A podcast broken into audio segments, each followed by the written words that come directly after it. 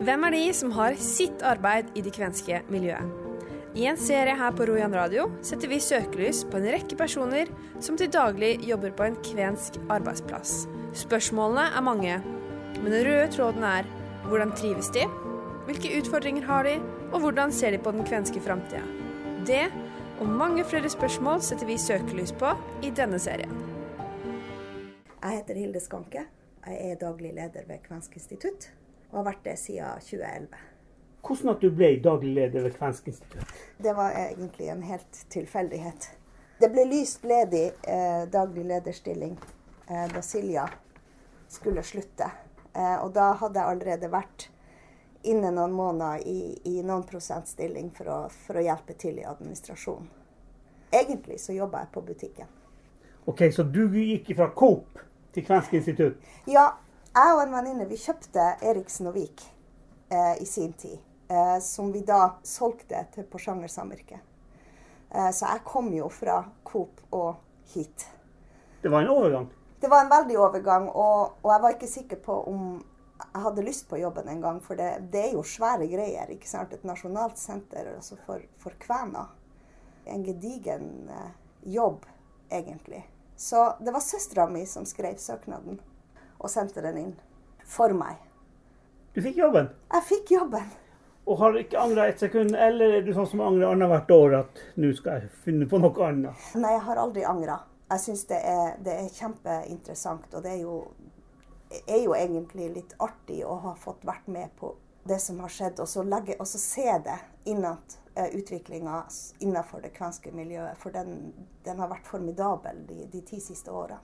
Vi sitter jo i Børselv her nå på Kvensk institutt, og, og, da tenker jeg på at Børselv er jo et hovedsete for kvenene, i hvert fall i Vest-Finnmark. Hva du tenker om, om å være leder for et Det er jo et ganske viktig eh, institutt? Ja, nå har jeg jo heldigvis fått noen år og det er klart at det er, det er jo et ganske ansvarsfullt eh, arbeid. Eh, Nå er jo ikke jeg den som, som, gjør arbeidet. Jeg administrerer og prøver å sørge for at vi har de rette folkene til å gjøre de rette tingene. Og det har vi. Jeg har helt eminente kollegaer som på sine felt eh, er de beste vi kan få tak i. Ja, har du nok folk til å få gjort den jobben du føler at dere burde ha fått gjort? Nei, vi har ikke det. Eh, faktisk. Fordi at rundt oss nå eh, så, så, vokser det språksenter, det vokser eh, en språklov, det vokser en opplæringslov. Altså ting er så i endring på et nasjonalt nivå som gjør at vi faktisk føler nok at vi henger litt etter. Det er veldig mye arbeid, og det er mye vi må si nei til. Og da tenker jeg spesielt i forhold til språkteknologi og ordboka vår og oversettelser. For det, vi er ikke der hvor så mange flere enn oss oversetter per i dag. Og behovet for oversettelser i henhold til de her nye lovene og forskriftene som er kommet, så øker etterspørselen på nasjonalt nivå for, for oversettelser også. Hvor mange er dere da som jobber spesielt med de her tingene?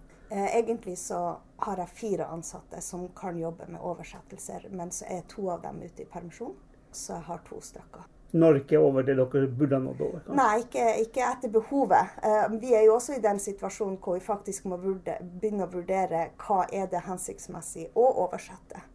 Altså Før så har vi, vi har jo oversatt alt fra små dikt til uh, sanger, ikke sant, til uh, pressemeldinger, til nasjonalparktekster og, og litt sånn forskjellig. Og, og det har vært veldig artig å kunne ha gjort det fordi at det er med på synliggjøringa og formidlinga av, av, det kvenske. Eh, det er jo ikke noe som er mer gledende enn at eh, et barnekor eller et voksenkor drar fram en sang som vi faktisk har fått oversatt. Det, det er utrolig artig å få være med på den reisa. Men, men samtidig så, så, øker trykket så mye nå at vi må faktisk begynne å vurdere hva er mest hensiktsmessig for kvenene eh, at vi oversetter.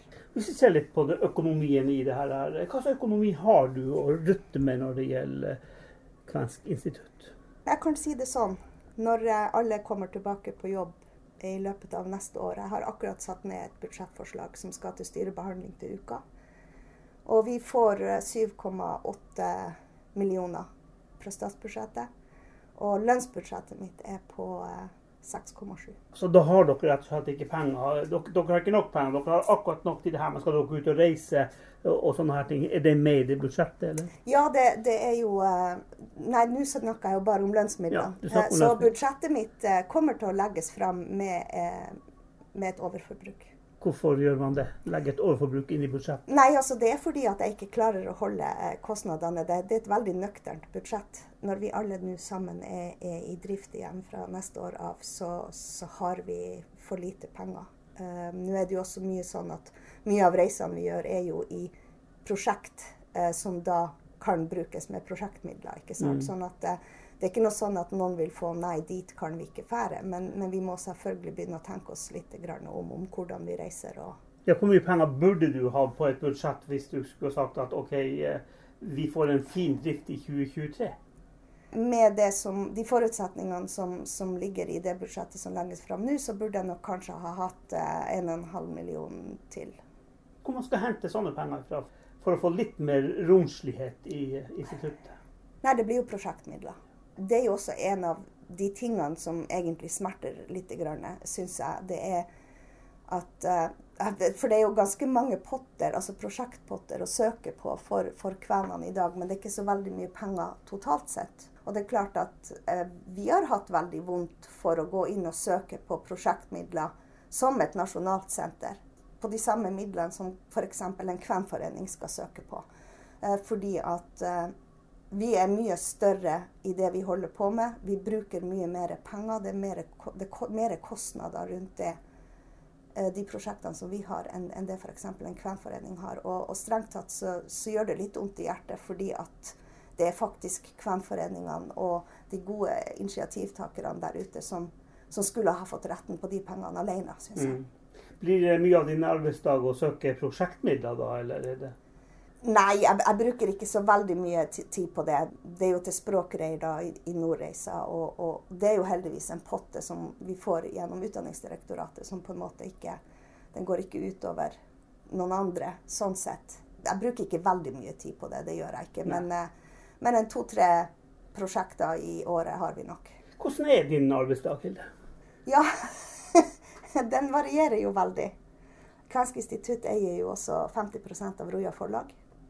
Og der har vi ingen ansatte. Så det er og Trygg og Erlend som, eh, som står for drifta av, av Roja. Så jeg håndterer utsendelser for Roja og fakturering for dem. Og så har vi jo vår egen nettbutikk som vi selger utrolig mye fra. Det er liksom det små dagligdagse. Jeg har veldig mye kontakt med, med alle rundt omkring i, i Norges land i forhold til, til arbeidet vi gjør her. Sånn at det er mye telefoner, det er mye e-poster. Det blir litt rapporter. Ja.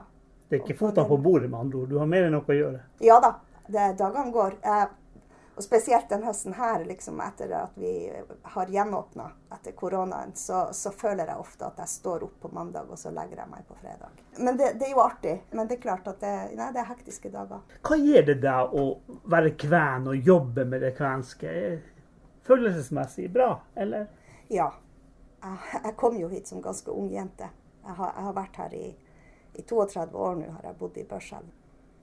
Og har jo fått eh, være en del av eh, å bli kjent med kvenene og den kvenske kulturen. Og jeg er jo hjemme her. Jeg definerer meg jo ikke som kven. Det gjør jeg ikke, for det er jeg ikke. Men det å kunne bo blant og være sammen med, med kvener, det er litt hjemme allikevel. Jeg er jo egentlig trønder, og vi, vi har jo bodd i Finnmark i ganske mange år. Eh, Men mamma og pappa har alltid vært veldig flinke til å oppdra oss i denne kulturelle tradisjonen. ikke sant? Sånn at altså, det her med, med kultur er utrolig viktig for meg fra min norske side også. Eh, Det her med å verdsette det, de tradisjonene som, som man har, og som vi har vokst opp med. Sånn at eh, den overgangen der var jo ikke stor i det hele tatt. Det var, og, og mine unger er jo kvener. Jeg har tre barn. De er voksne i dag. De har vært med på eh, det meste som går an å være med på innenfor det kvenske. Da. Altså både teater og musikkprosjekt. Og de har hatt kvensk på skolen. Og vi er nære, og de er stolte kvener. Du er ikke kven, siden du, er trønder. Men eh, snakker du kvensk, og har, har du sjøl lært deg de her tingene? Jeg er jo litt bare på frasestadiet. Altså sånn, eh, det er ikke Jeg er ikke veldig god i kvensk. Og jeg har tatt tre kvenskkurs. Og det er ikke til forkleining til lærerne mine, for de har vært helt eminent. Eh, men det går ikke så veldig bra. Eh, men det, det, er jo også en del av det at jeg er gift med en fornorska kven. Ikke sant? Sånn at det, det er Vi stotrer og harker litt begge to, egentlig. Så det, det blir ingen naturlig øvingspunkt hjemme. Og så har jeg jo stått på butikken i, i Børselv i 20 år jeg, jeg, forstår veldig mye mer kvensk enn, enn det jeg egentlig tror sjøl også. Men jeg klarer ikke å svare. Ja, for jeg vet at eh, på butikken her borte, som ligger bare 100 meter herifra, så, så er det mange som snakker kvensk når de er innom der. Ja. Og det er jo det jeg på en måte har eh, Jeg kan ikke si vokst opp med, for jeg kom jo, kom jo når jeg var 18. Men, men, det har jo vært en del av læringsprosessen min. For eh, de var veldig herlige de her eldre kvenene som kom på butikken. For de brydde seg ikke noe om eh, verken uttalen min eller at jeg ikke kunne svare dem. Men de snakka konsekvent kvensk eh, til meg. Sånn at, eh, som jeg sier, forståelsen min er nok bedre enn det jeg Eh, både tror og, og, det jeg klarer å gi uttrykk for. Da. Men når vi vet hvor vi er hen, så vet vi også i historien historisk sett at fornorskninga var veldig sterk her. Mm. For uh, ungene som var vokste opp på 50-60-tallet. Mm. Føler du at uh, du forstår historien deres? Ja, jeg har jo levd med den. Og lever fortsatt med den. Spesielt kanskje når Sannhetskommisjonen kom, uh, så har jeg tenkt mye på hva godt skal det gjøre for kvenene med den rapporten. Altså hva vil resultatet bli? Fordi at det er, det er mange såre uh, historier der ute som har prega folk i all deres tid. Uh, og det er klart at når du Som jeg sier, ikke sant, min mann har jo aldri fått lære kvensk. Han er jo også en sånn passiv hører, ikke sant. Jeg skjønner jo foreldregenerasjonen vår som eh, ikke ville lære ungene sine kvensk. Altså, jeg har ikke noe problemer med å forstå det. Syns du det er forskjell på kvener og ikke-kvener her i Porsanger? Det er jo ikke sånn at du møter et menneske og så tenker du å du er kven, eller å du er same, eller du er nordmann. Altså, vi, vi, er jo alle sammen. Og vi bor her, og vi lever side om side og er vel forlikt. Og så syns jeg selvfølgelig at det er jo den enkeltes rett til å definere seg sjøl. Det er jo ikke jeg som skal komme utenfra og fortelle til deg at du, Frank Halvorsen, er en kven jeg har jo fått med meg historieletinga di, ikke sant, og, og, kunne kanskje tidlig konkludere. Men jeg gjør det jo ikke, for den retta har jeg ikke. Du har tre barn som er blitt voksne nå. Hvordan er de på kvensk og den kvenske forståelsen, føler du? For dem har jo utfordringa vært at de ikke har kunnet snakke kvensk hjemme. Eh, og har en besteforeldregenerasjon som ikke noen gang har snakka kvensk til barn. Og det er også et aspekt i det her at altså deres besteforeldregenerasjon da er ikke vant til å snakke kvensk til barn. Og det er også en baug. Eh, så språkskiftet skjer, skjer, jo veldig fort. Men, men mine unger vi har eh, sunget kassetten som Terje ga ut med Huvanillan og det barnekoret. ikke sant? Altså vi, vi ser nyttårstalen, for å si det sånn. Og det er, det er jo et rørende eh, øyeblikk. Altså det gjør noe med deg det å kunne gå i kirka eh, på julaften f.eks. og synge 'Deilig er jorden' på kvensk, ikke sant? det er jo emosjonelt. Og, og, det er sånne ting vi, vi på en måte har skatta den kvenske arven da hjemme hos oss. De er jo også veldig opptatt av at de ville ha kvendrakter. Det er svigermora mi som syr kvendrakta, Else Olsen, så vi, vi, vi er veldig heldige sånn sett. Så nå har eh, og guttene fått, uh, fått vesten, og så, og så, kommer skjorta straks. Forhåpentligvis. Men, men er jo, de er jo stolte av det de er. De er det. Tror du at eh, de kommer til å legge seg mer i selene på å lære seg kvensk enn mor sjøl gjorde? Eller gjør? Nei, det tør jeg ikke si. For de bor jo alle i miljø som ikke er veldig sånn typisk eh, kvenske miljø. Men, men, jeg er jo blitt bestemor også. Jeg har eh, to, to gutter. På, en på tre og en på fem år. Og den fineste sangen som finnes året rundt, det er også Dati Dati. Losta Losta. Den, den synger vi, og den synger vi hver gang vi er, er sammen. Og så har vi jo en sang til, da, selvfølgelig, og det er 'God morgen' fra Børselv med Moldrock. Ja, den er bra. Ja. Den, er, den er en av de fine. Ja, den er det. Hva er jobben egentlig til Kvensk institutt i Børselv? Vi skal synliggjøre, formidle og dokumentere. Og det skal vi gjøre for alle. Eh, og det vil si at det skal kunne Det skal innbefatte kven i Nord-Troms like mye som kven i Øst-Finnmark eller kven i, på Østlandet. Vi er for alle. Ja. Vi er det nasjonale senteret. Eh, og med det så fører det jo selvfølgelig et, et et litt større ansvar i forhold til eh, språkutvikling, f.eks. Instituttet hadde ansvaret for eh, det kvenske skriftspråket og grammatikken, som Eira Søderholm eh, eh, skrev. Eh, det var jo i, sammen med Kvensk språkting, som instituttet har ansvaret for å, å drifte. Og det er jo et språkorgan som sammen med Eira utarbeider eh, standardiseringa og normeringa av det kvenske skriftspråket. Eh, og så vi, eh, jobber vi med, med kvensk språkteknologi sammen med Gelatekno i, på Universitetet i Tromsø, og det er jo da ordboka på nett. I og med at nesten alle tekstene som skrives på kvensk, kommer fra Kvensk institutt, så tar det jo selvfølgelig litt tid med ordboksarbeidet. Altså sånn, da ordboka ble oppretta, så ble det lagt inn 3500 ord.